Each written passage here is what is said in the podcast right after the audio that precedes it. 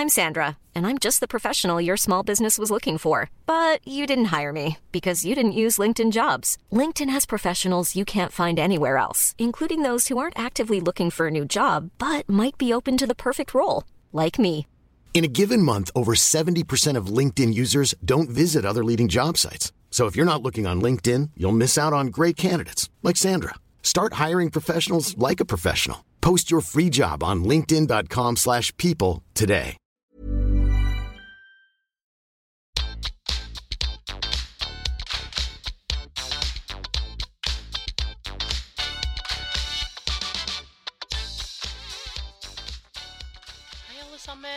Velkommen tilbake til podkasten Karriereveiledning med Elaine. I denne episoden så skal jeg og min kompanjong, som jeg har lyst til å kalle han nå, Gisle, som du skal få bli litt bedre kjent med snart, vi skal svare på så godt det lar seg gjøre de fleste spørsmålene som har blitt sendt inn i forbindelse med denne ekstraordinære episoden. Hva gjør man med jobbsøk når alt handler om permitteringer og nedbemanninger? Hvordan planlegge for høsten når usikkerheten er stor? Hva kan man selv gjøre når jobbmarkedet står stille? Og mange, mange flere spørsmål. Vi er bl.a. innom sorg, struktur, karriereplanlegging. Bør man finne studier på nettet nå? Hvor finnes informasjon? Hvor kan jeg få gratis karriereveiledning? og masse annet som vi virkelig håper at du som lytter kan få nytte av i den tiden vi står i akkurat nå.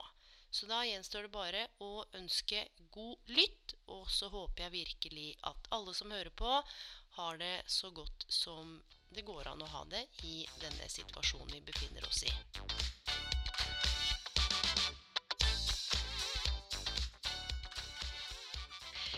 Gisle, er du der? Jeg er her, vet du. Hei, Elaine. Hallo, Gisle. Velkommen skal du være for andre gang. Tusen takk. Det er ja. veldig glad for å bli spurt. Du, det skulle jo bare mangle. Eh, Du leder jo, eller du er jo leder ved Karrieresenteret ved Universitetet i Oslo, og du er også Aftenposten sin dedikerte jobbekspert. Det er jeg. Ja. Så nå gjelder det å i hvert fall Den type tjeneste vi kan levere, det kan man jo også gjøre digitalt. Så jeg er veldig glad for å kunne få spredd det gjennom din podkast. Ja, og det, det her er jo det jeg tenker det handler om. Altså hvordan kan folk få hjelp, søke hjelp, bistand, råd, støtte, sparring. Eh, hvem og hvor og hva er alt tilgjengelig. Så det skal vi jo selvfølgelig også komme tilbake til. Det har kommet inn flere hundre spørsmål, Gisle. Wow. Ja, og det er jo ikke sånn at jeg er noen sånn stor influenser med en milliard følgere. Dette er bare et tema som naturlig nok traff en nerve. Og jeg tenker det er smart at vi er tidlig ute for å kunne bistå så godt som mulig. Ja, det, det er supert, og jeg blir veldig glad hvis jeg kan være med og gi noen eh, tanker i en eh, veldig krevende tid. Så det Ja. gjør jeg veldig gjerne. Ja, og det er fint. Og vi begge vi opererer jo i, i flere eh, fagfelt som, har, eh, s- som berører hverandre, men hovedfagfeltet mitt er jo karriereveiledning, og du sitter jo stort sett eh, i, altså om ikke i samtale bestandig, for du leder jo Karrieresenteret, så er det jo også et fagfelt du kjenner til. Det er det. Eh, Jeg og mine kollegaer vi, vi møter tusenvis av studenter hvert år, så Ja. jeg håper at vi kan kunne begynne noe bra i dag. Og så håper jeg at vi kan følge opp dette med at vi kan eh, gjennom våre tjenester ta imot mange samtaler i dagene som kommer. Ja, og det er det jeg håper også, dels fordi jeg har sprengt kapasitet. Jeg har ikke sjans, og, og ønsker, eh, holdt jeg på å si, at folk skal bare få, få den støtten de trenger. Jeg er jo én person.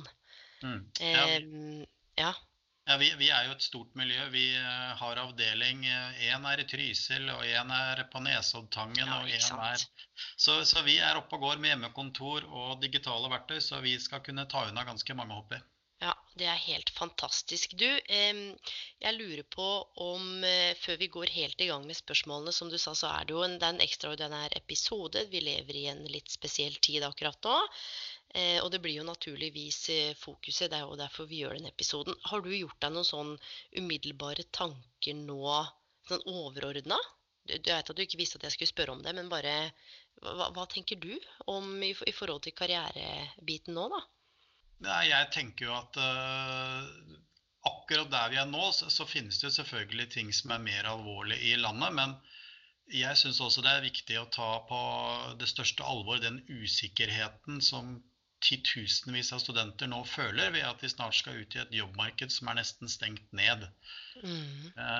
Dette får for mange ja, sikkert tanker som ikke er noe hyggelig å ha akkurat nå.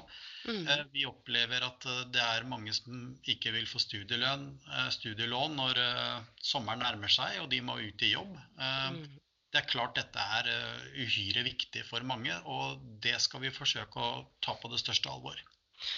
Ja, det tenker jeg. Og du kommer jo fra den vinklingen hvor det i hovedsak gjelder studenter. Og så tar jeg med meg litt av den vinklingen med folk altså De er jo jobbsøkere også, men de mm. bl.a. som er arbeidsledige. kommet masse spørsmål inn, prosesser om å stoppe opp. Hvordan følger jeg opp? Hva gjør jeg nå? Eh, hva skal jeg bruke tiden til? Og selvfølgelig folk som er livredde for eh, permittering, og at det skal ende opp i oppsigelse eller ingen jobb å gå tilbake til. Mm. Eh, og så er det sentralt å si at vi kommer ikke til å si noen ting om regler eller Nav eller noe som har med noe vi ikke har noe med å gjøre. Nei, Det tror jeg er et viktig poeng. for det, ja. Der tror jeg vi skal overlate det til de som er eksperter eh, på ja. lovverk og permitteringer. Det, det, er ikke jeg. Nei, ikke jeg eh, området er mer eh, hvordan takle usikkerhet, og hva gjør man når eh, det egentlig er vanskelig å ta gode valg, som man ser det sånn med en gang selv. Ja, og hva gjør man når det egentlig er vanskelig å ta gode valg, Gisle? Vel, det aller første jeg tror vi skal være veldig trygge på, det er at uh, også denne krisen vil gå over. Uh, det vil komme en hverdag. Det vil bli gradvis tilbakekomst til normalen. Mm -hmm. Og det betyr at man kan gjøre nå ganske mye selv for å planlegge slik at man er best mulig skodd når konkurransen uh, åpner seg opp igjen. Kall det gjerne barmarkstrening. Det vil jeg si at vi er inne i nå. Nå er det den, den, tiden av året hvor vi kan drive barmarkstrening for å være forberedt på det som skjer. Mm. Og barmarkstrening er lurt. Ja, og da når du sier barmarkstrening, for det er jo ganske mange eh, tanker jeg i hvert fall gjør meg, er det noe konkrete tips eller refleksjoner du har til de som lytter nå, enten om de er studenter eller ja, fare for å bli permittert, eller er egentlig arbeidsledig, men var i jobbsøkerprosess. Hva, hva skal man gjøre nå? Nå tror jeg man kan uh, gjøre en del grep for å komme litt i jobbsøkerprosess. I hvert fall være helt klar for det den dagen det kommer. Mm. Og da gjelder det noe så enkelt som å kunne kontakte noen, eh, spare med noen, rett og slett ha karriereveiledning. Mm. Det kan vi få til digitalt. Det, det, tror jeg er den største læringen vi kommer til å få av denne situasjonen vi er i. At vi kommer til å se et annerledes digitalt Norge i etterkant. Ja. Det at vi blir kasta litt ut i det digitale litt mot vår vilje, det, det tror jeg vi kommer til å, å merke etterpå også. Mm. Og da er det jo rett og slett å se om man kan få booket seg en karriereveiledning. Ja, og, så er det jo litt sånn hvordan gjør man det? For mange av henvendelsene jeg får, handler jo rett og slett om Jeg har jo vært synlig i media. Mm. Sant? Og ellers så er det ikke sikkert jeg hadde fått noe særlig med henvendelser. Ikke nødvendigvis fordi jeg ikke gjør en god jobb, men det er noe med at det er jo en vrimla informasjon der ute også. Mm. Så, så, hvordan skal man vite hvem man skal kontakte? Er det en coach? Altså, når det gjelder karriere, så tenker jeg det er ganske relevant å gå til en karriereveileder. Mm. Um, og hvordan får man tak i dere f.eks. nå?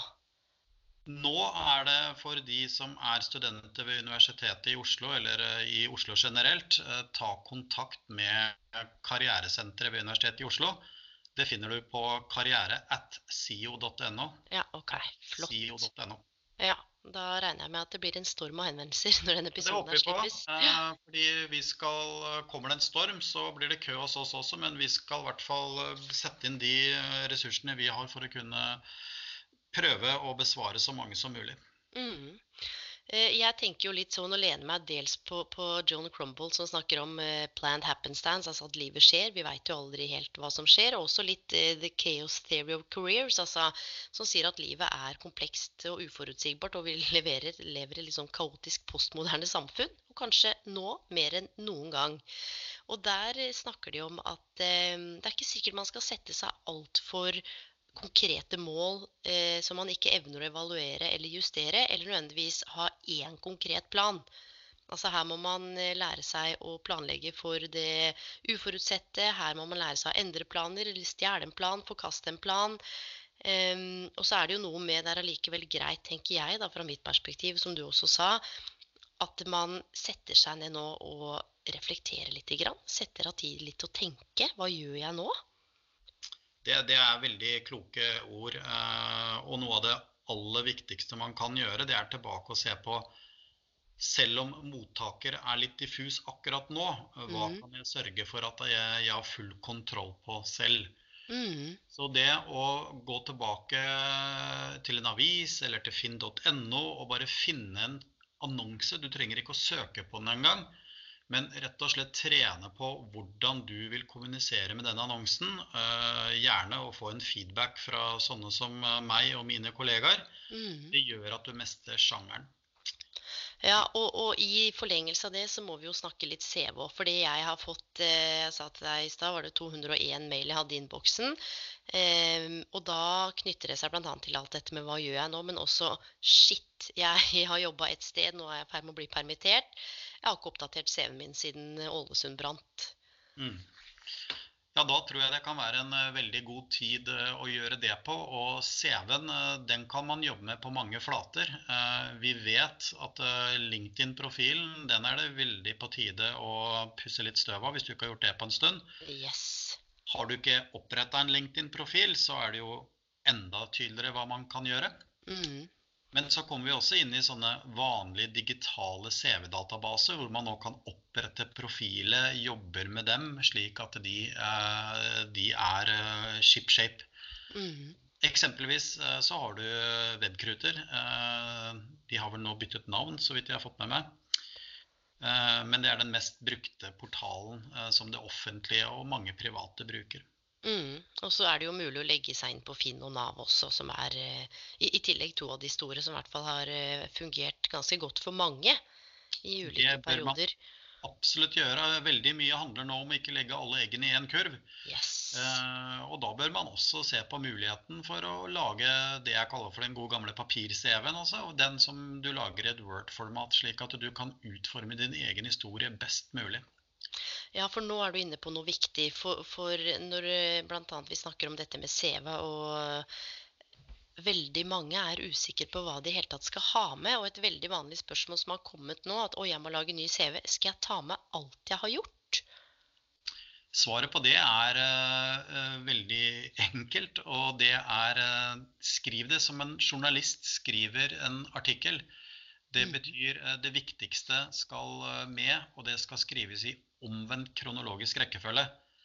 Ja. Og for ikke glemme alt, eh, så kan man lage litt større samlebokser. Man trenger ikke å gjøre rede for alle jobbene man har hatt hvis man har jobbet veldig lenge.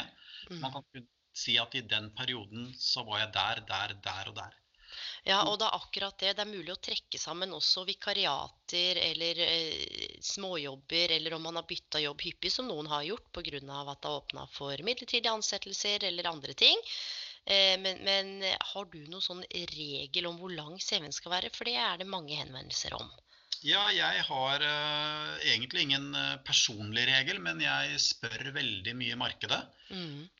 Og der er responsen ganske tydelig, at det ikke mer enn to sider. Nettopp. Eh, Men det gjør ingenting om du bikker én. Nei. Noe av med, poenget med en CV er ikke bare å ha med overskrifter. Da blir det fort påstander og bare institusjoners navn.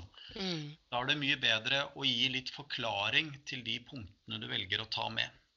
Ja, og så er det jo sånn at curriculum vitae er jo livets forløp, det er jo det som har vært. Og så er det jo en søknad her i tillegg, og de dokumentene bør jo henge litt sammen. Det er sånn konkret tips, at ikke CV-en din er, minner om noe helt annet enn hva søknaden din handler om. Det er helt riktig, og da kan jeg gi alle lytterne dine et supertips, og det er eh, veldig enkelt. CV skal alltid være fortid, og søknad skal alltid være framtid. Det vil si, du skal beskrive i søknaden hvordan du skal løse de oppgavene som beskrives. Mm. Og det blir en argumentasjon når du bruker eksempler fra CV som viser at du har erfaring og ferdigheter innenfor området. Yes, og der er det også viktig å, tenker jeg da, å få med både bidrag, som du sier, hvordan løse, eh, men også motivasjonen. Det opplever jeg at mange glemmer. Ja, og dette med motivasjon det syns jeg er litt sånn uh, veldig godt poeng at du tar opp. fordi eh, det er litt sånn diffust ord. Alle føler ikke at de har en eh, motivasjon. Nei. Vanskelig å sette ord på. Og for noen så er jo motivasjon penger, og det er kanskje ikke alltid det lureste å starte med, at jeg søker denne jobben fordi jeg har lyst på cash. Cash får Cash. du stort sett i de fleste norske jobber. Men det jeg skulle til å si, det er at like viktig som dette med motivasjon, så vil jeg si det er gå rett på mål og start med motivasjon og ditt bidrag allerede i ingressen. Yes. Og ingressen det bør gi svar på to ting. Og det er 'jeg vil jobbe hos deg fordi', Mm. og det viktigste jeg kan bidra med, er 'jeg vil, jeg kan'. Mm. Og dette her er jo, tenker jeg, veldig viktig nå. Samtidig så er det sikkert noen som lytter og tenker ja, men herregud, nå sitter jeg her, alt har stoppa opp, og det er en som skriver hva gjør jeg nå for å klare å opprettholde motivasjon og fokus? Det er usikkert, og så skriver hun det er total kaos oppi hodet mitt. Jeg vet ikke hvor jeg skal begynne. Jeg er egentlig i en jobbsøkerprosess, og ting var på stell, men nå er alt på en måte bare stoppa opp. Ja, og jeg syns vi skal ta den type bekymringer og tanker på det største alvor. Mhm. Og da er det kanskje å begynne med det som kan være lettest å ha oversikt over, og det er hva du har gjort fram til nå, og sette ord på det i en god CV. Mhm.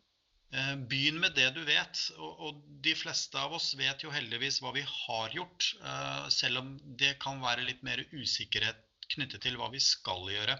Mm. Så begynn med det du har kontroll på, og det er historien din, CV. Ja. Nummer to, eh, våg å drømme litt, og gjerne se for deg at denne perioden vi er nå inne i, den går over ganske fort, selv om den kanskje ikke gjør det med en gang. Så Mhm. våg å drømme det, og begynn å plukke deg ut jobber basert på fortiden som du tror vil være tilgjengelig i framtiden. Begynn å lete, begynn å se, begynn å gjøre research, og ikke vær redd for å skrive ned søknader hvor du kanskje søker deg til stillinger som du nå ikke tror er mulig å få.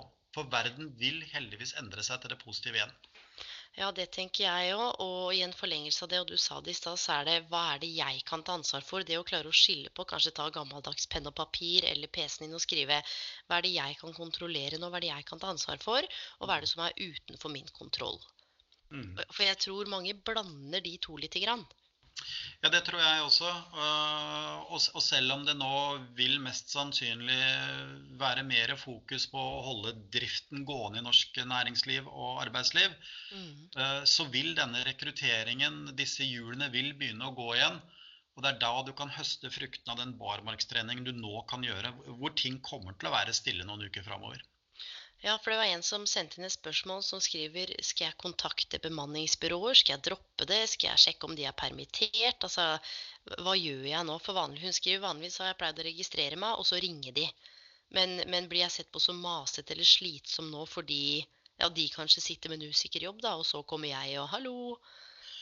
Jeg vil absolutt si bruk de kanalene du har, og både bemanningsbyråer, rekrutteringsbyråer osv. De vet også at det kommer en, eh, en tid etter dette.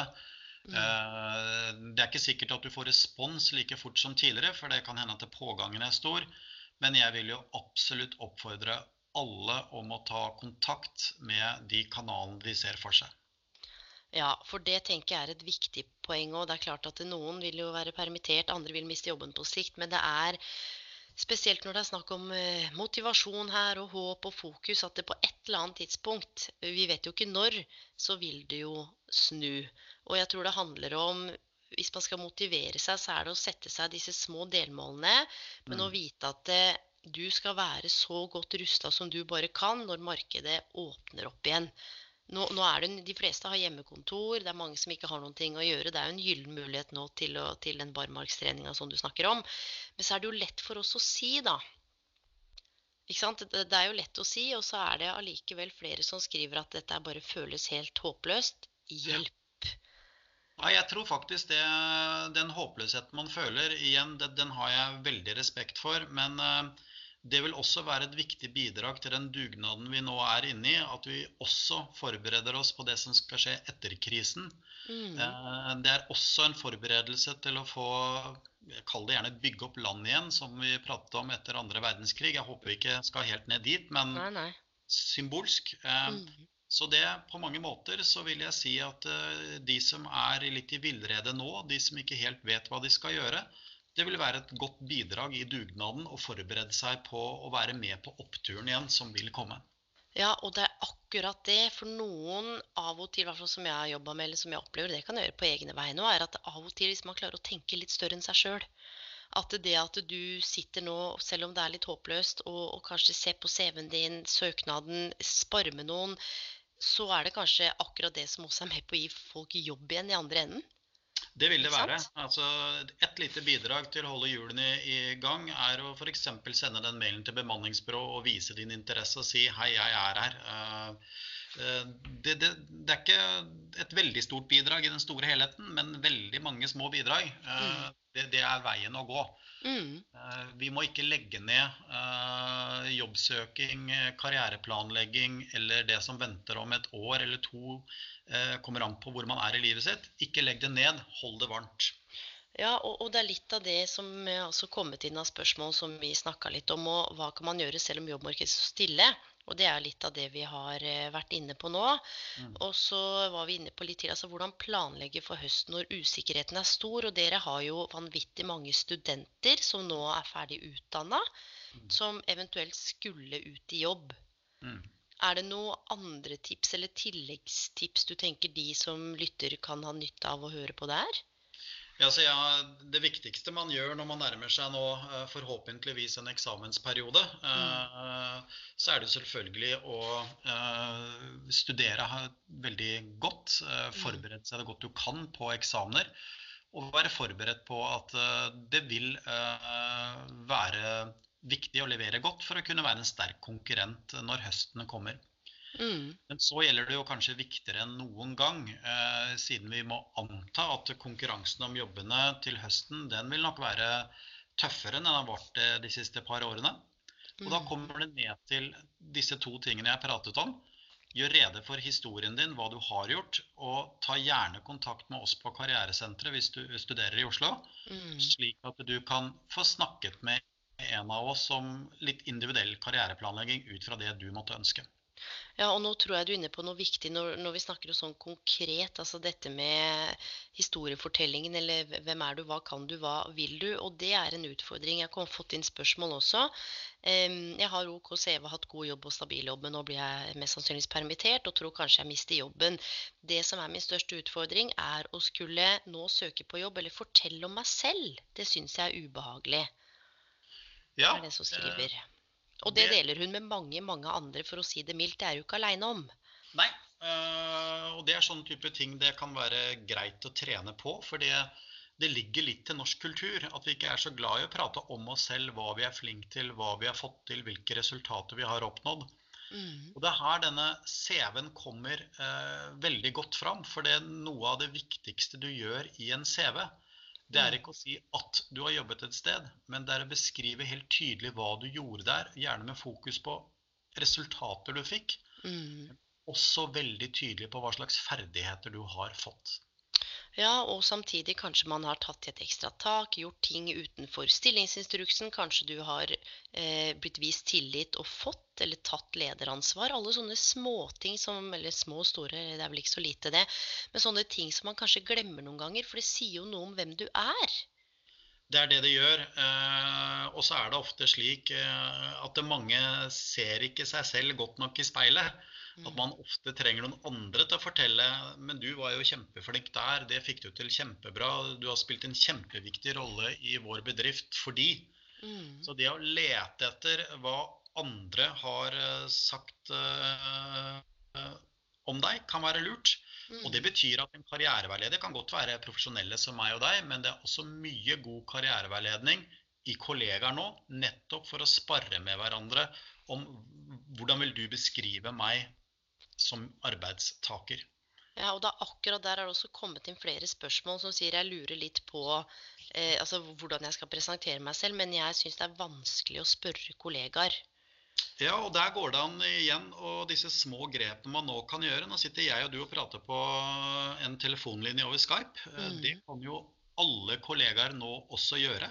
Mm. Eh, de kan ringe hverandre opp, de kan bli enige om å si vet du hva, nå, nå trenger vi en litt sånn eh, positiv vinkling på presentasjon. Mm. Eh, kanskje jeg skal begynne å si noe om deg, så kan du si noe om meg etterpå. Og så blir det lettere for meg å gjenta det. Ja, for det var det jeg var ute etter, en eller annen innfallsvinkel her. Fordi hun sier at det, det er ikke det at jeg ikke er glad i kollegaene og vi har det godt sammen, men det er det å initiere det å si hei, eh, hva syns du om meg? Nå som de på en måte også er permittert og sikkert har det vanskelig. Mm. Men det er jo som du sier, det å gjøre det til en sånn liten community, eller bruke det til å peppe hverandre opp, da. Om det så er via tekst eller bare eh, et par, tre-fire ting som beskriver meg, eller ferdighetene eller egenskapene, eller at man nå går sammen i større grad, i og med at flere mest sannsynligvis vil stå uten arbeid. Så er det noe med å spille hverandre gode. jeg solidaritetsprinsippet er uh, Mm. veldig høyt om dagen. At dette er noe folk ønsker å bidra til. dette dette er noe man gjerne gjør for hverandre. Mm. Uh, nettopp for å, å bygge en så god eh, profil som mulig for, eh, for kollegaer, og da til syvende og sist deg selv. Så Yes. ikke vær redd for å ta kontakt med kollegaer. Eh, Altså, det må ikke være profesjonelle karriereveiledere, men, men det å faktisk sette ord på hva du kan, hva du har Mm. lyst til, hvordan du har lyst til å bruke det videre, Mm. det er ikke en øvelse som alltid egner seg like godt når man sitter alene. Bruk nettverket ditt, mobiliser det. Ja, og det går an å be om sånne endorsements på LinkedIn. Eh, F.eks. at eh, du kan også be noen, eller du kan gjøre det selv. Skrive noen hyggelige ord om kollegaene dine, så det ligger synlig ute for alle. Det er jo en eh, veldig god, eh, et godt tips. Eh, det å skrive nå noen ord om kollegaer, fortelle hva Mm. slags prosjekter man har jobbet sammen med, hva man har oppnådd, Mm. så er det viktig å huske på at arbeidsgiver i framtiden vil ikke nødvendigvis bare se på akkurat nå-situasjonen. Den vil se på det potensialet du har, og den vil se Mm. på det, de resultatene du har levert.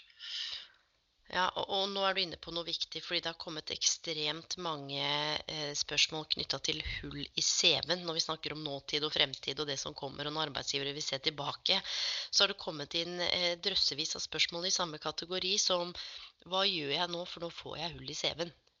Ja, Det enkle svaret på det, det er ikke et hull. Eh, Det er noe som er veldig eh, forklarbart, og da skriver man rett og slett det. Mm. Altså Hull i CV-en, det, er- det er for meg veldig få ting som går inn under noe som du overhodet ikke ønsker at det skal komme fram for allmennheten. Mm. Mm. Eh, altså, jeg får spørsmål om eh, det er hull i CV-en at man har fått barn. Eh, sant? det er jo ikke det. Det er et hull i den forstand at du antageligvis ikke jobbet da, men forklaringen til hvorfor er veldig, veldig forståelig. Ja, og, det er jo akkurat det det handler om å få satt ord på det. Man trenger jo ikke skrive en, en halv side med essay, men no, et par setninger som i hvert fall kan gi arbeidsgiver muligheten til å få innsikt i hva det dreier seg om. Fordi jeg har jo lest masse CV-er og søknader, og det har jo du òg. Og de gangene det på en måte står blankt da, fra 2012 til 2015, så jeg veit ikke om jeg blir nysgjerrig eller usikker, eller om jeg blir trigga, eller Men det er klart at det, jeg vil ikke si Jeg har ikke lyst til å si at noe er uheldig, for det Men det er kanskje lurt, som du sier, å, å få beskrevet hva det dreier seg om. Sånn, for hele poenget er jo å gi arbeidsgiver mest mulig informasjon gjennom dette dokumentet. Og så Ja. spare, spare litt snacks til intervjuet, selvfølgelig, og, og lage en, en eh, rå søknad. Men jo mer konkret informasjon vi kan sette ord på, som gjør at arbeidsgiver slipper å bruke tid på å tenke eller klø seg i huet. Der har jeg en hypotese som jeg har levd etter i mange år. eh, Og den er at eh, hovedfunksjonen til en CV, mm. det er å eliminere usikkerhet hos arbeidsgiver. Og der Arbeidsgiver ja. skal være klinkende klart på hva er det som står her, Mhm. og lure fint lite på hva er det som ikke står her. Så hvis man har dette såkalte hullet som nå kanskje er permittering, eller eh, at man mister jobben, det er ikke Mm. noe som skaper usikkerhet, det er noe som alle arbeidsgivere vil forstå. Så det å tørre å gjøre rede for epoken i livet sitt, gjør at arbeidsgiver kan lese alt om hvilken utdannelse og erfaring du har, uten å sitte igjen med usikkerhet til kanskje de månedene eller halve året de gikk uten, uten jobb. Ja, og, og det er så sentralt både det at hull i CV-en jeg, jeg liker ikke det begrepet. Det er mer sånn livet skjer. Og nå skjer jo livet for veldig mange, i hvert fall på et karrieremessig plan. Ja. Og så vet du at det får jo store konsekvenser. Men i en forlengelse av dette igjen, så er jo da snakk om intervjusituasjon, ikke sant. For nå er det mange intervjuer. Det er en som skriver 'Jeg skulle på flere intervjuer, nå er alt avlyst'.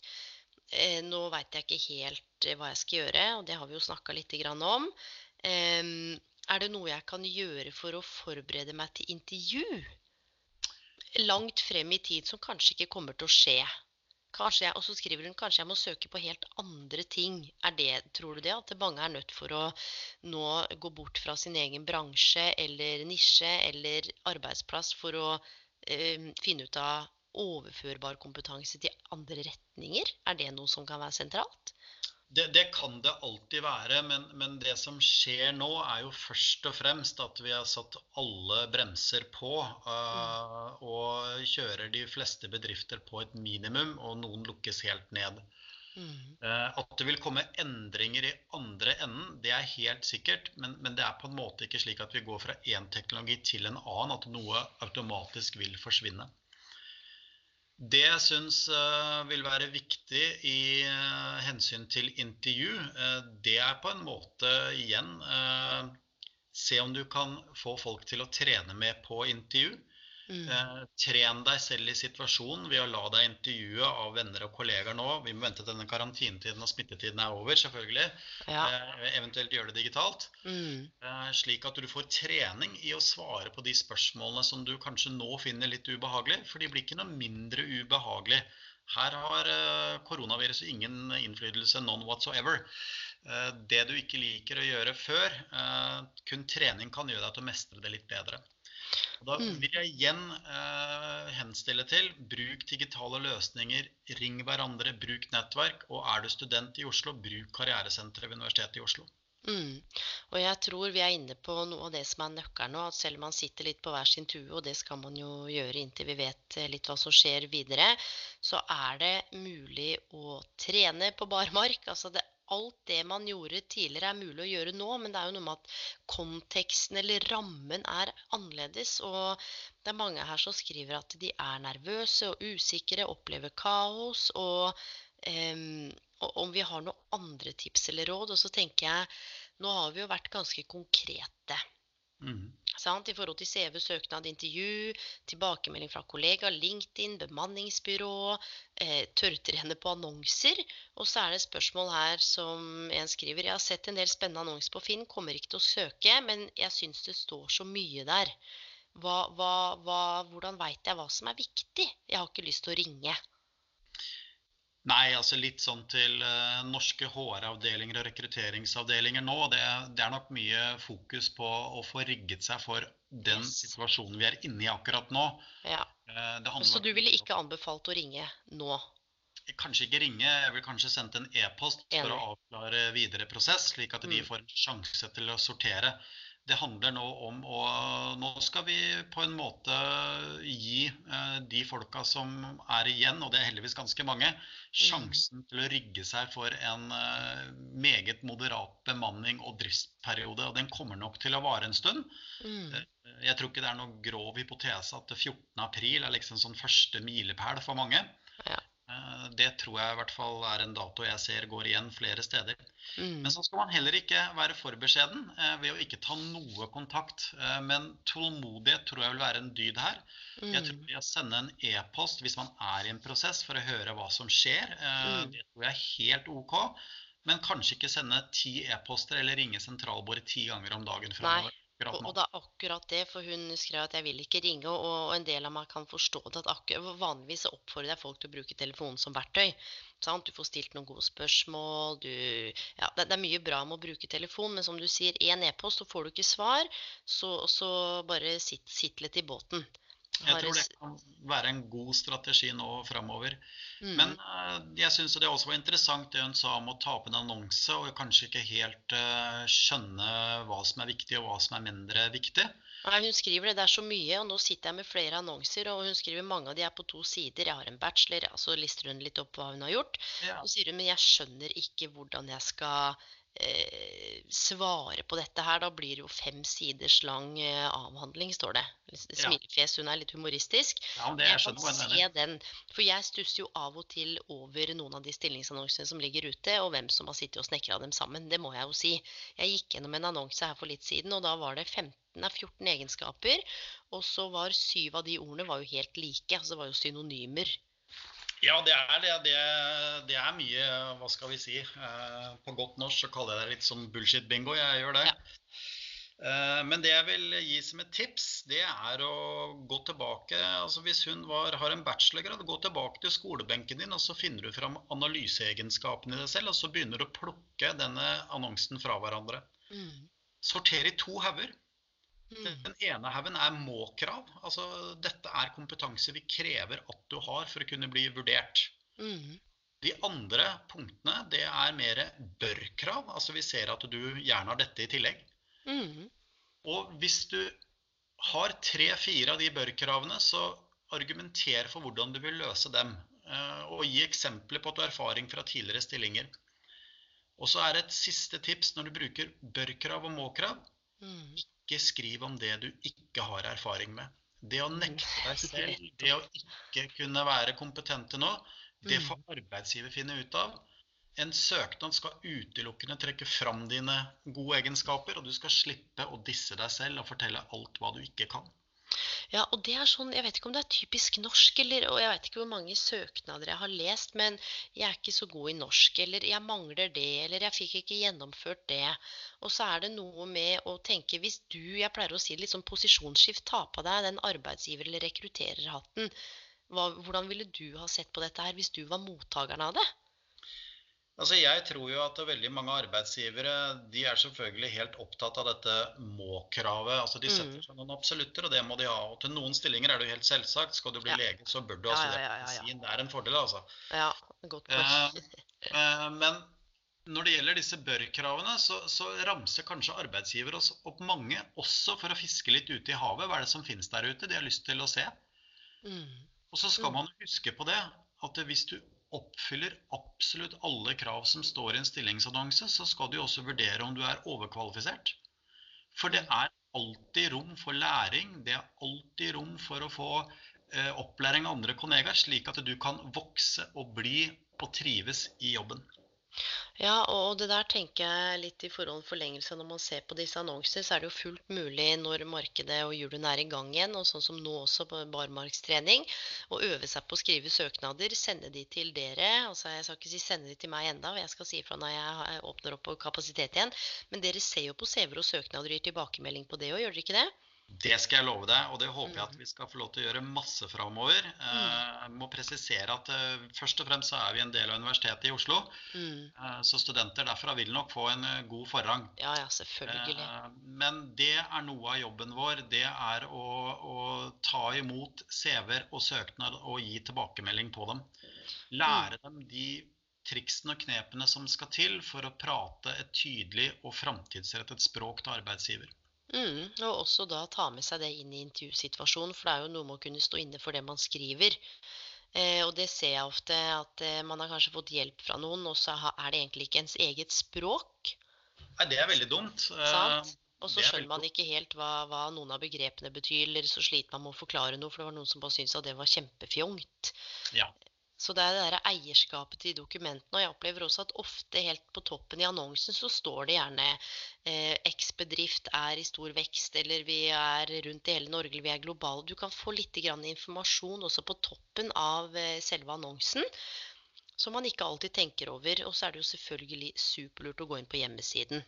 Ikke sant? Det vil jeg jo si. Verdier, visjon, historikk. Er det noe ekstra som trigger deg? Kanskje du kjenner noen som kjenner noen. Man veit jo aldri.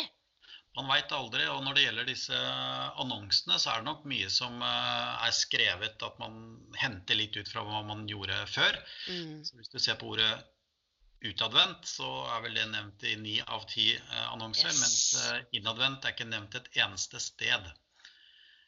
Og Det betyr jo at man kan ikke tolke en annonse helt ordrett. Man er nødt til å legge, tillegge sin egen litt sånn posisjonering til den. da. Mm. Uh, og det går det an å få veldig mye god hjelp til. Eh, man kan lese på våre hjemmesider, man kan sende oss spørsmål. Men jeg har lyst til å trekke fram det viktigste av det viktigste, tror jeg. Mm. Det er å tørre å snakke om sin egen kompetanse og være mm. tydelig på hva det er. Mm. For meg så er kompetanse så mye mer enn kunnskap og det du har studert. Det er så mye mer enn akkurat den erfaringen du har fra tidligere jobber. Mm. Det handler om hvem du er som person, det handler om hva slags resultater du har oppnådd. Det handler om kanskje hva du har oppnådd i frivillige verv og utenom eh, jobbaktiviteter. Mm. Kompetanse er et stort begrep, og når man får brukket ned det til å omhandle konkrete ting, så vil du ha et arsenal av svar når du kommer til dette intervjuet. Ja, og så blir det jo lettere og også hvis man gjør en ordentlig god jobb i forkant og å sortert dette her. For det som slo meg nå når, når du nevnte kompetanse, er jo ja, det blir en liten glippe i CV-en for noen, eller en lengre glippe. Men jaggu, og nå, jeg skal ikke spøke, for jeg tror kanskje det er litt for tidlig, men se om du henger meg på den her, da veit du at du gjør. Det, det går jo an å få frem at man har hatt kompetanse i å håndtere koronaviruset knytta til karriere. Ja, altså, jeg blei permittert, eh, eller jeg blei Ja. Man får en god erfaring i hvordan man eh, takler eh, det helt uventede, altså det man ikke så komme rundt neste sving. Mm. Eh, Man får garantert omstillingskompetanse. Altså her må vi rett og slett omstille oss. Altså vi har jo pratet mye om digitalisering, at Norge noen ganger er vi langt framme, andre ganger er vi noen sinker. Nå er det ikke noe spørsmål om du vil. Her er det vil du være med, så heng på. Mm. Eh, og den omstillingskompetansen, eh, den kan man jo begynne å jobbe med nå allerede, mens man er alene og sitter i båten. Mm. For en dag så skal du over i det litt større passasjerskipet, som er en bedrift, og da skal du være en del av den arbeidsstokken som er der. Mm. Og, og det er akkurat det som slo meg nå, som jeg tenker er enormt viktig å få frem. For ja, det er usikkerhet, og det har vi respekt for, og kjenner sikkert på det selv, og det er til tider kaotisk, og det er mye som foregår. Men det er også, og det er ikke alltid så lett å se når man står midt oppi det, men det er altså mulighet til å både eh, utvikle ferdigheter her og egenskaper i å håndtere overgangen Mm. fra å være rett og slett eh, arbeidstager eller aktiv jobbsøker til å plutselig skulle forbli passiv i gåseøyne. Og rett og slett reflektere rundt hva er det du har av egenskaper eller ferdigheter, eller hva er det som bor i deg som gjør at du kan hente fram det som gjør at du blir rusta, da. Når arbeidsmarkedet åpner, som gjør at du er klar. Altså hvordan sette ord på det overfor en arbeidsgiver. For omstilling er også et stort ord, og det har vært et hipt ord. Em, og, og hva, hvis du skulle beskrive for de som lytter, for det er lyttere fra alt fra 17 til 67 år over hele verden hva- hva for deg, hvordan vil du beskrive eller definere omstillingskompetanse? Eh, Først og fremst så handler det om å evne å se både bakover og framover i en samme situasjon. Eh, Det er å kartlegge veldig tydelig eh, hva du har i bagasjen din, være konkret på det, bruke færrest mulig abstrakte begreper. Og så sette deg inn i hva nye bransjer, stillinger, muligheter vil gi. Og selv kunne gi den refleksjonen om hvordan din bagasje er den rette kompetansen til den ukjente framtiden vi skal inn i. Det handler om å tørre å si ja til endringer. Det handler om å være en som ser at man må være med eh, på de omstillingene som skjer, og rett og slett brette opp ermene litt. Du vet jo det, Elaine, at jeg, jeg sleit jo litt med å komme meg på Skype i dag. Jeg kunne jo ikke legge meg ned for det. Eh, Nei. Var jeg litt uforskyldt, har jeg skjønt, for det var problemet med hele opplegget her. Men eh, jeg har løst det i løpet av dagen. Og jeg Mm. ville jo synes det hadde vært ekstremt pinlig hvis jeg ikke klarte å komme meg på Skype med deg i dag. Da, da ville jeg vært veldig eh, flau over meg selv. Eh, Men jeg har nå fått litt god hjelp fra kollegaer, og det er nå ett bidrag til hva omstillingskompetanse er. Det er, Mm. vet du hva, det går ikke over selv om du utsetter det.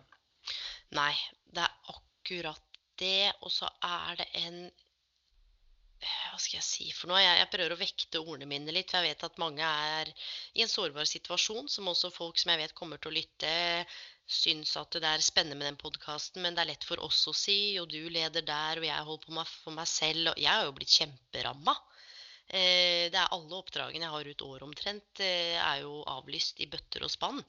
Eh, men samtidig så kjenner jeg på en sånn ro, og det handler ikke om at jeg jobber som karriereleder, men det handler om at jeg innbiller meg at jeg evner å tilpasse meg, og at eh, jeg har valgt å ha et optimistisk tankesett der, at det kommer til å gå bra.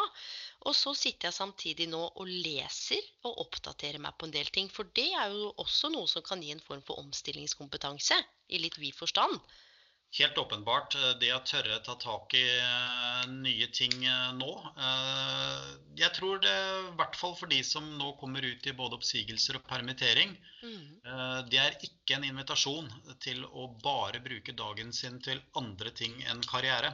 Snarere tvert imot. Jeg tror noe struktur vil være viktig der for å gjøre det du kan gjøre i en strukturert hverdag, og sette av noen timer hver dag til å være en jobbsøker. Mm. Eh, til å være en som ser hvordan man kan omstille seg, til en som kanskje kan være en med å få ny kunnskap om noe. Mm. Det vil gi deg en veldig god historie den dagen du sitter på intervju igjen. Fordi omstilling handler også om hva gjorde du da du kom i den situasjonen. Yes, og det var... Oh, nydelig. Og det er det jeg tror er den historien arbeidsgiver faktisk kommer til å stille noen spørsmål om i framtiden. Yes. Hvordan reagerte du? Hva gjorde ja. du? Og jeg tror det er veldig mange arbeidsgivere der ute som vil ha full forståelse for at uh, det å bli permittert, miste jobben sin, mm. det er ikke en morsom situasjon. Det er ikke noe man unner noen, men det ble dessverre realiteten denne gangen. Mm, og så tror jeg her òg er det lov til å være litt ærlig med seg sjøl. Eh, og dette har jeg sagt tidligere, jeg er ikke for sånn utelukkende positiv tenkning, selv om jeg sa at jeg har et positivt tankesett, men det jobber jeg også med. Eh, at jeg går ikke rundt og tenker bare at å ja, alt ordner seg, og dermed så blir det bra. Det er lov til å ta en fot i pakken nå og tenke at det, Fy faen, det her er dritt. Nå er jeg demotivert og utmatta og økonomi og ikke sant? For når vi snakker om karriere nå, så berører jo det fryktelig mange andre arenaer. Det berører jo kanskje fysisk helse, psykisk helse, økonomi, nære relasjoner. Jeg har en far på 82 og en mor på 72 som har hatt noen helseutfordringer som jeg overhodet ikke kan besøke. Jeg vinker til de fra verandaen. Um, så kan man jo spørre seg liksom karriere oppi det hele hvor viktig er det egentlig? Men så slo det meg at eh, alt henger jo sammen med alt. Så hvis man lar bare karrieren skli av gårde, som du var inne på, at man, hvis vi ikke tar noen aktive grep nå, så blir det jo ikke noe lettere å komme i gang igjen. Nei, det, det gjør ikke det. Uh, Plutselig så er markedet der, skjønner du. Altså, før, før vi veit det. Før vi veit det. Og samtidig som at det, man skal tillate seg å være fly forbanna nå. Yes, eh, man skal tillate seg å forbanne situasjonen litt. Og man skal til og med få lov til å synes synd på seg sjøl, for det, det, mm. er det på veldig mange. Mm. Men, men, det kan ikke eh, prege eh, hverdagen i for lang tid. Det er i hvert fall et tips. Mm. Det å holde litt sammen nå, det å søke de rådene, de miljøene, de kollegaene og nettverket du har nå for å holde hjula litt i gang. Eh, prøv å gjøre i hvert fall begge deler. Eh, og la dette sinnet og da la denne skuffelsen og frustrasjonen som nå garantert råder, mm. ta litt på den, smak litt på den, vær ærlig med den, ta et lite oppgjør med den. Den kommer ikke til å gå bort. Men begynn å lete etter andre steder du kan putte energi, som mm. eksempelvis det å få gjøre de tingene vi har prata om i dag, som å planlegge for livet etter krisa. Ja, og så er det lov til å gi seg hvis man akkurat nå alle jobbsøkerprosesser har stoppa opp, og det er litt sånn sjokk for noen, eller man nå er permittert eller vet at nå er det nedbemanning og oppsigelse på gang. Det er lov til å gå litt i kjelleren et par dager. Vi mener jo ikke at nå skal du rett på jobbjakta og CV-jakta, hvis ikke så er det ikke håp. Det er lov til å, å, å gå i seg sjøl og kjenne på, som du sier, både sinne Men jeg har fått veldig mange henvendelser her om sorg. Ja, det, det er klart det er, det er, en sorg å miste jobben. altså Helt opplagt. Yes. Altså, du mister noe av det viktigste du har her i livet. Ja, og det er eh. det. Jeg ville bare ta det opp. fordi ofte så blander vi litt hvem vi er med hva vi gjør. Mange har gode kollegaer og venner på jobben. Det er et sted vi tilbringer masse tid. I hvert fall mange av oss, ikke alle. Eh, men mange av oss. Og det er rett og slett flere som har Jeg prøvde å kategorisere spørsmålene, sånn at ikke jeg trengte å stille flere hundre, men bare få det litt sånn samla. Og det som går igjen, er altså jeg er ordentlig lei meg, eller jeg sørger. Altså Det oppleves nesten som en, en traume, i hvert fall for noen av de jeg har snakka med nå, som har jobba i, i, over 15-20 år samme sted.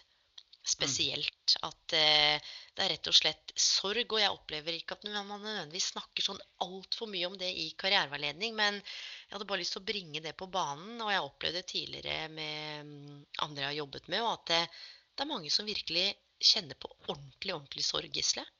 Ja, men det, det, forstår jeg veldig godt. Altså, jeg pleier ofte å spøke med kollegaene mine på jobben at jeg ser mer til dem enn jeg ser til samboerne mine. Mm. Og det, det, er ikke tull engang, det gjør jeg jo. Mm. Uh, vi tilbringer masse tid med mennesker vi får uh, relasjoner til, som vi bryr oss om, som, mm. som er viktige i våren, livene våre, som bare blir borte. Det, altså, det er litt som en skilsmisse, men her er den uønsket. Uh, Og derfor er det viktig at de nå som er berørt, føler å ta på det. Men så vil jeg også komme en oppfordring, og det tar jeg helt for gitt. Det er at vi vil se et ganske hva skal vi si, delt Norge i denne perioden. Altså noen mister jobben sin, andre gjør det ikke. Mm. Noen sitter trygt i jobbene sine. Eh, noen er overarbeidet. Altså, her gjelder det å vise en gjensidig solidaritet og respekt for mm. hverandre. Mm. Mm. Og forstå at vi er i ulike vanskelige situasjoner. Mm. Og det er faktisk et godt poeng, fordi det sitter antageligvis mange, eller vi sitter mange fremover som ikke har noen ting å gjøre, sånn hvis vi snakker i jobbøyemed. Og så har du de som jobber, eller ser på helsepersonellet nå, blant annet. Og så har du de som nå jobber 24 timer i døgnet. Ja. Uh... Det, det, er faktisk et interessant aspekt, det du bringer på banen der, at Norge vil bli litt delt i to i en periode. Ja, i en periode så vil det være de som kom uh, Altså styrket er jo helt feil ord, men i hvert mm. fall ikke svekket ut karrieremessig av dette. Mm. Og de som uh, på en måte hvor hele huset faller sammen. Mm. Det er klart eh, det vil prege norsk arbeidsliv i en del år som eh, kommer. For det tar tid for mange å, å komme helt tilbake igjen. Og Derfor er det så viktig at man blir med i den gjengen som eh, er gode til å planlegge, ta grep, være en mm. spiller. Selv om nå det ser ganske dystert ut på kort sikt. Ja, og da tenker jeg også det handler litt om hvem man velger å nå eh, omgi seg med online. Og kanskje litt hva man velger å bruke tiden på, for det er lett å legge seg på sofaen og drukne i Netflix og alt mulig annet rart. Men du var inne på noe i stad som jeg tror er hovednøkkelen, og som jeg, jeg har sett de siste åtte årene, spesielt når jeg har jobbet med eh, folk som er i jobbsøkerprosesser, at de som sitter hjemme og ikke har en plan, ikke har noe struktur, Mm. Da, da, renner det ut i sanda. Og jeg skjønner at nå er det mer interessant å kanskje vaske do og skru bommen og kaste i boden. Og gjør det òg. Men opprett et lite hjemmekontor eller kanskje et lite kontor ute i naturen. Eller et eller annet sånt noe som gjør at det, du veit at den ene eller to eller tre eller fire timen hva enn du har til rådighet, da, som du ønsker å dedikere, det er dedikert til å jobbe med og kanskje bli, om ikke en bedre versjon av deg selv, men i hvert fall dedikert til disse prosessene vi snakker om nå. da. Karriereplanlegging, karriereutvikling. Um, er det noe som inspirerer deg? Sant? Ja, det er kjempe, kjempeviktige ja. poenger du tar opp. For det, eh, det er eh, Alle rammes av dette. Eh, og så har vi til en viss grad valg hvordan vi vil håndtere det. Mm. Eh, når jeg sier en viss grad, så kan man ikke velge at man blir permittert eller mister jobben. Jeg håper alle lytterne har forståelse for at jeg virkelig skjønner det. Ja, ja. Men, men, hvis man kommer i situasjonen, så har man et ansvar overfor seg selv, for sine mm. nærmeste, for sine andre. Om å mm. på en måte eh, bli litt med og tenke hva er det som venter en gang der borte i svingen. Mm. Og i en forlengelse av det så har jeg kategorisert en annen bolk med spørsmål som eh, ordlyden er Jeg har prøvd å sette sammen. Eh, blitt nedbemanna, permittert. Eh, bør jeg sjekke ut nettutdanning eller nettkurs for å fylle på i denne perioden, eller virker det bare rart? Er det liksom desperat, da? Er det en som skriver. Eh, jeg tror at desperasjon er en eh, dårlig motivasjon for å velge et studium. Definitivt. Godt, uh, veldig godt poeng, Gisle. Ja, jeg tror at uh, nettkurs kan være fint. Uh, sjekk kvaliteten på det, se yes. hvor relevant det er og hva du får. Mm. Men det er, det er, ikke alle ting som man kan få kurs i som nødvendigvis vil gjøre deg til en sterkere arbeidstaker. Nei, jeg skal bare skyte inn, for dette her har kommet inn veldig mye av hva bør jeg gjøre nå for å, for å vise arbeidsgiver at jeg har brukt denne tiden fornuftig er liksom det som går i den samme klynga med spørsmål. Da er det nettkurs, nettutdanninger, og jeg vet at det er noen nettbaserte kurs eller utdanning jeg skal ikke si, som liksom Du vet du må betale 100 000, så er det bare bullshit. Ja, jeg hadde vært forsiktig med å kaste meg på den første og dyre utdanningen eh, jeg så akkurat nå. Altså mm. for all del, ta gjerne utdanning. Ta gjerne også eh, nettkurs. Men, men, noe er bedre enn andre ting her. og bruk mm. Istedenfor å trekke kortet med en gang, så les nøye på hva du faktisk skal studere. Eh, hva og hvorfor, hvorfor skal du studere det? Hvorfor skal du studere det, og hva sier tidligere deltakere om det? Mm. Og igjen tilbake til dette nettverket ditt. Altså, jeg tror ganske bestemt at når ting om en uke eller to eller tre blir litt roligere for de som er igjen på jobb. At de også vil kunne være med og svare ut om dette er en, eh, noe, noe, de vil vektlegge når de skal uh, ta tilbake folk som er i permisjon, eller Mm. begynne å ansette igjen. Ja, og da er det jo litt sentralt når vi snakker om Og jeg, det er ikke det at jeg er imot eh, nettutdanning, altså overhodet ikke. Og det er mange fantastiske universiteter og skoler som leverer vanvittig mye bra. Mm. Men det er, ikke, det er jo en egen karrierekompetanse, dette her med å kunne bruke internett og sortere informasjon på en ordentlig måte. Mm. Eh, annet å skille mellom gir det studiepoeng eller ikke. Det Mm. kan jo være sentralt. Eh, har du tips til en god side folk kan gå inn, altså utdanning.no, eller er det noen andre sider du kjenner til hvor du kan anbefale folk å gå inn for å få en sånn ordentlig god oversikt som er seriøs? Jeg ville absolutt ha starta på utdanning.no. Ja, altså det, det er by far uh, den mest seriøse og objektive siden jeg vet om. Mm, Ja. og det er litt sånn viktig. Det er, uh, er det en annonse, eller er det objektiv informasjon? mm, Eh, hjemmesidene til eh, høyskoler og universitet er selvfølgelig ikke noe som er objektivt, men eh, de ønsker å få kandidater som presterer godt, og de ønsker å gi kvalitet i utdanningen. Så det å søke seg til universitet, høyskoler osv., det kan være nyttig. Mm. Jeg hadde også tatt kontakt med eh, bransjeforeninger, eh, Yes. type arbeidsgiverorganisasjoner. Ikke minst fagbevegelsen vil være Mm. viktig eh, sparringspartner. Eh, de kan nettopp få en rolle nå, eh, så man kan opprette digital eh, kontakt med medlemmene. Det gjør de helt sikkert allerede. Men, men still også spørsmål til fagforeningen din, til arbeidsgiverorganisasjoner. og det kan hende at du ikke får svar med en gang, men dette her vil begynne å rulle og gå, slik at man ikke bare velger eh, noe impulsivt for å velge noe, men at man velger noe man tror man vil få nytte av, og man Mm. tror man vil ha interesse av å studere. Ja, og som kan kanskje gagne arbeidsgiveren som er så heldig å få deg på sikt, tenker jeg Ja. også. Fordi det er akkurat det som går igjen. At nå må jeg bare Jeg veit ikke hva jeg skal gjøre, så nå må jeg bare bruke tida mi. Og det er den som hadde funnet et eller annet nettkurs, og så gikk jeg inn og så på det, og så tenkte jeg herregud, de penga der, de eh, Det er det mest bortkasta penga. Ikke- nei, Det var bare ordentlig useriøst. Og så var det en annonse. Lokke med sånn piss. Jeg blir så, jeg blir, det jeg blir provosert av, er jo folk som eh, Jeg skjønner at hjulene skal gå rundt, at man skal betale for tjenester, og man kan jo ikke, alt kan jo ikke være gratis. Vi er jo avhengig av at jeg betaler deg, og du betaler meg, og så betaler Per og Pål. Mm. Selv om vi gjør jo dette her gratis. og Det er ingen spons på podkasten. Vi snakker om akkurat det vi vil, som er veldig viktig for meg å presisere. Det er ingen som får lov til å legge noen føringer her. Men bruk huet og hjertet, folkens. Det Ja. er liksom eh, oppfordringen. Eh, virkelig. For det har kommet så mange henvendelser om hva skal jeg melde meg på av nettkurs. Og jeg har ingen anelse om hva jeg skal svare folk, for jeg kjenner jo ikke til deres situasjon. Så noen kan godt avvente litt sikkert, og andre kan Det kan jo være at noen har drømt om å ta det spanskkurset, eller så går det an å gjøre ting for moro òg, hvis man har tid. Som Ja. også kan bli en del av den ekstrakompetansen, ikke sant?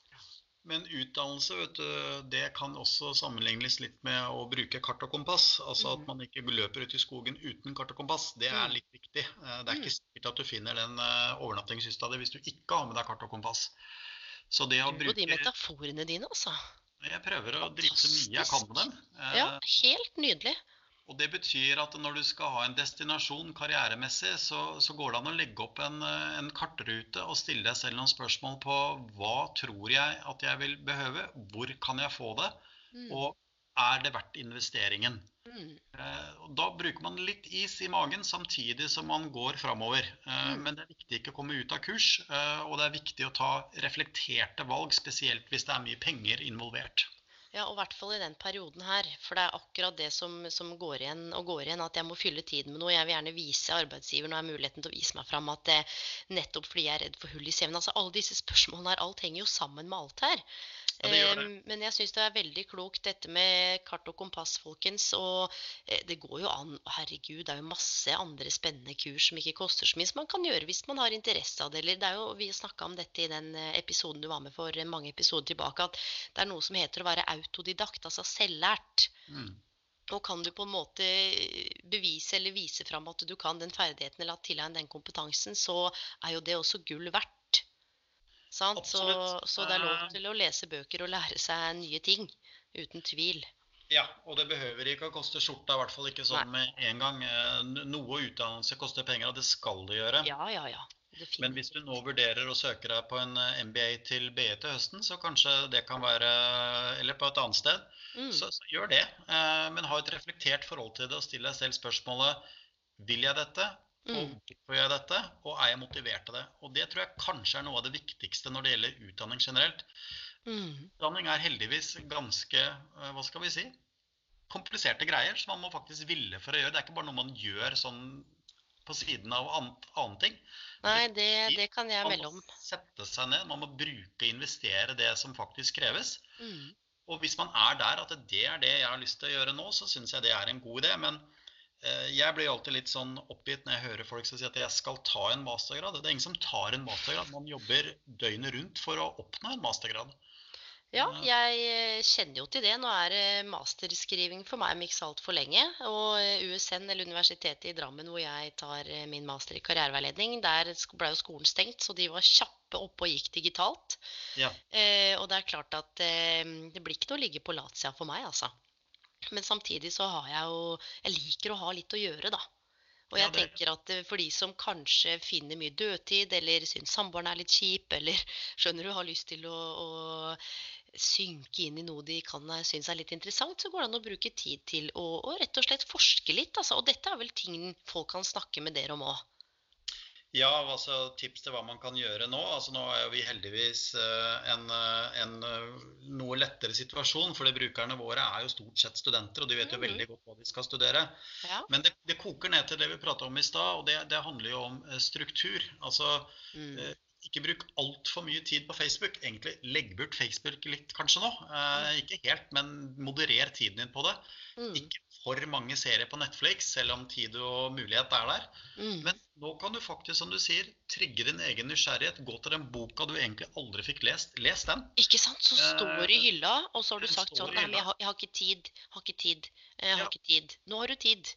Mest sannsynlig. Nå kan du ha tid, og det mm. handler om da å lage den timeplanen. fordi jeg tror et tips kan være for å få litt sånn orden i eh, den situasjonen man skal gå nå ut i, det er å se tilbake til den gamle Outlook-kalenderen du hadde da du var på jobb, hvis du nå er permittert eller har mista jobben. Mm. Den var full, nå er den tom. Fyll den med ting. Skaff deg litt struktur på det du skal gjøre. Mm. Finn ut når du skal gjøre hva. Og det er lov å gjøre uh, litt sånn lystbetonte ting, som å trene litt, uh, som å lese en god bok, ja, ja, ja. som å se på Netflix, som å være litt på Facebook. Men alt til uh, en god, hva skal vi si, da, fordeling. Ja, og nøkkelen her er vel balanse, tenker jeg, mellom alle disse tingene. For vi ønsker jo ikke at noen skal sitte 15 timer og bli helt eh, nevrotisk av sin egen eh, karriere. Eh, dette skal jo også til dels, om ikke det er lystbetont for alle, så er det den situasjonen vi står eh, oppi. Ja. Men du, Gisle, avslutningsvis, du skal få lov til å komme med noen eh, siste refleksjoner. Jeg skal bare ta opp ett spørsmål til, og det er en som ja. skriver her.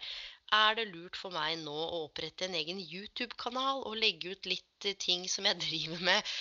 Og jeg mener ikke å le, men det er bare jeg har fått, fått, mye spennende linker i dag. skjønner du. Veldig mye rart. Det er folk som legger ut at de strikker, og det er ikke noe galt i det. Og, og legger ut eh, veldig mye forskjellig. Vært inne og sett. Eh, hva tror du eh, arbeidsgiver Dette er spørsmålet. Eh, hva tror du arbeidsgiver vil tenke, for nå er jeg permittert, mister mest sannsynligvis jobben, bør jeg opprette en YouTube-kanal for å vise at jeg på en måte eh, holder, hold meg oppdatert, eller, eller gjør ting? Ja. Altså Svaret på det er eh, Jeg syns det er en utrolig spennende tanke. Og svaret ja. jeg tror det er et soleklart ja. ja. Og ikke vær så veldig opptatt av hva innholdet i den YouTuben skal være, men gjør det profesjonelt. Yes. Lag det som en demo for noe man kunne brukt på jobben. Bli med inn i framtiden. Sett deg inn i alle mulighetene som YouTube gjør. Mm. Og vær null opptatt av om du får én eller to følgere på den kanalen. Fordi, du, jeg er helt enig. Og da kan du lage innhold. Du kan begynne å sette deg inn i teknologi. Du kan begynne å finne ut hva er det som egentlig er eh, Alle vet at det fins en YouTube-kanal. Mm.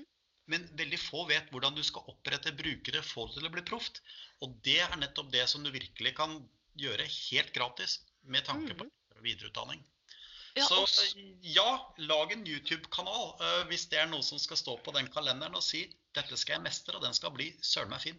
Ja, Om du så er strikking av genser, da, så tenker jeg hvis jeg som arbeidsgiver får en link med til dette her og sier at vet du hva, jeg har gjort litt sånn og litt sånn, og så oppretter jeg en YouTube-kanal, og lært meg noe nytt.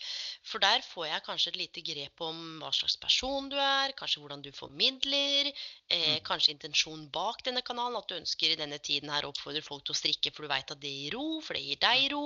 Altså det er mange ting her som med bruk av YouTube som kan være positivt, tenker jeg da. Ja, eh, jeg tror det er eh, rett og slett med læringen av ny teknologi. Eh, hvis YouTube er det du, medium du har lyst til å begynne med, kjør på. Mm. Nydelig, Gisle. Du, nå har det gått over en time, og for at ikke de som lytter skal bli helt svett i øra, det kan nok være at vi kommer med noen episoder til, for det er en del spørsmål igjen. Men nå tok jeg de spørsmålene som har måtte kommet mest av, da, og kategorisert de, så skal vi ta noen andre spørsmål ved en eh, litt senere episode. Avslutningsvis, Gisle, har du noen eh, refleksjoner, tanker, råd, ting vi ikke har vært innom, som du kjenner at dette her, dette brenner du inne med, dette har du lyst til å dele? Ja, og til det har jeg et soleklart ja.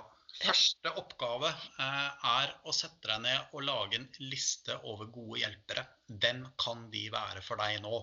Mm. Ikke stå alene i det. Altså, Mm. Vi har vært inne på fagforeninger. Ikke vær redd for å ta kontakt med dem.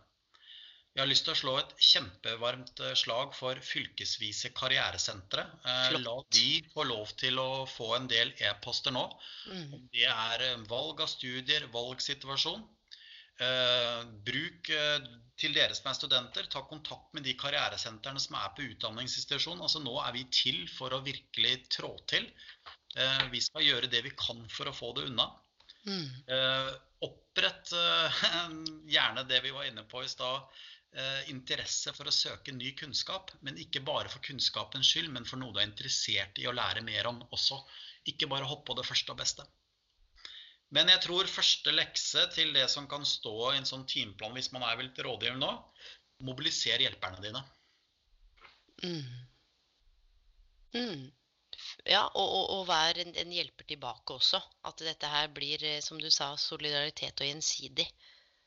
Ja, jeg har lært noe som Jeg har gått på utallige kurs opp gjennom livet mitt, og det er noen ting som virkelig sitter igjen, og det har jeg lyst til å avslutte med. Det er Grovt sett så finnes det to typer mennesker her i verden, og det er ene er de som er givers, og det andre som er Mhm. takers. Mm. Takers vinner, eh, ofte hvis de bare tar, men de, de blir avslørt. Mm. Og givers, det er de som er de vinnerne når de får tak i kontakt med andre givers. Altså det gjensidigheten, at man gir uten å måtte kreve noe tilbake. At man gir nå for å kunne hjelpe hverandre. Mm. Givers, søk andre givers. Du, det var helt nydelig. Og så skal jeg si at de fylkesvise karrieresentrene henviser jeg ofte til, og du kan finne en oversikt over de på utdanning.no. Og det er stort sett i de fleste fylker. Koster ikke en krone, og jeg tipper at de er oppe og går digitalt, veldig mange av de. Det tror jeg òg. Og du finner dem også på Kompetanse Norge sine sider. Ja. Eh, og som sagt, eh, dette er for Norges befolkning over 19 år. Eh, og de vil ha mye god kunnskap, og kanskje mye bedre enn hvis du hender deg til et karrieresenter på et utdanningsinstitusjon. For vår spisskompetanse er jo da selvfølgelig studenter og høyere, høyere utdanning. Ja, så til de som er eh, kanskje nedbemanna eller permittert eller er i ferd med å miste jobben eller er jobbsøkere, så er de fylkesvise karrieresentrene helt, helt glimrende. Og jeg tipper at de eh, så godt det lar seg gjøre er rusta for det som kommer nå. For jeg tenker at Hvorfor jeg hadde lyst til å gjøre den podkasten her også sammen med deg, er jo noe med å både med den kunnskapen og kompetansen vi besitter, da, og som sikkert mange andre gjør også, er det noe med å få lov til å åpne fagfeltet litt, og at folk skal ta del i refleksjonene vi har, uten at vi er for mane eller forteller folk hvordan de skal gjøre det. Hvis ikke, så lykkes det ikke. Det er ikke det det er snakk om i det hele tatt. Her gjelder det å plukke med seg det du syns traff deg, og så droppe det du tenker er helt på viddene. Det er et enkelt valg, rett og slett. Ja, og det kan jeg også berolige alle lytterne dine om som tar kontakt med oss. Altså, vi, vi forteller veldig få folk hva de bør gjøre. Ja. Eh, Vi snakker veldig mye sammen med dem eh, om hva de ønsker å gjøre, drøfter litt hvordan man skal nå dit, og setter egentlig all vår eh, kompetanse inn til det som handler om sparring, og Mm. det som handler om mye kompetansekartlegging og valgmuligheter. Ja, og det er det jeg tror er hele nøkkelen som ønsker å få frem også. At eh, de vi møter er eksperter i eget liv, og det er noe med å bistå andre til å faktisk se det enorme potensialet. For dette er også det som har kommet inn, at nå føler jeg at jeg kan noen ting, nå må jeg gå i meg sjøl. Men det bor altså så mye fantastisk i folk, og så gjelder det å kanskje plukke opp telefonen, Skype, chatte med noen for å rett og slett eh, få litt nye perspektiver og innspill. Er det andre måter å se seg selv på som man kanskje ikke har sett enda? Ja. Kloke ord. Takk skal du ha, Gisle. Tusen, tusen takk for at du var gjest. Denne episoden her lanseres med en gang. Vet du hva, Jeg har lyst til å si takk til deg også. For det, nå har det seg slik at uh, jeg jobber jo uh, og har en jobb. Uh, det har du også, men den skal alle lytterne vite at denne her gjør du uten å få spons, som du ja. sier. Som er et fremmed begrep for meg. Og jeg må si at jeg har stor respekt for at jeg og du kan gjøre dette nå. Nettopp for å kunne prøve å bidra med det lille vi kan bidra med. Mm, og det er det jeg tenker er hele nøkkelen, og derfor jeg tror vi kommer nok til å lage noen flere episoder. Det har allerede kommet masse henvendelser om kommer det mer enn én en episode. Så jeg åpner det opp for mer spørsmål om et par dager, og så kan det jo godt være at vi kanskje lager et webinar sammen, eller gjør et eller annet annet, sånn at vi kan få i hvert fall delt det vi sitter på, da. Det, det tenker jeg, jeg kan være en fin start. Ja, men så bra, Gisle. Nei, du, det er godt å høre. Det er godt å høre. Her skal vi ikke ha noen hemmeligheter fra hverandre. Her skal alt på bordet. Det er kanskje ikke alt, da. Eh, heller ikke kanskje foran en arbeidsgiver. Trenger ikke slenge alt på bordet. Nei. Men det blir en annen episode. Men Gisle, tusen, tusen takk for at du var gjest. Tusen takk for at jeg fikk være med. Du, bare hyggelig.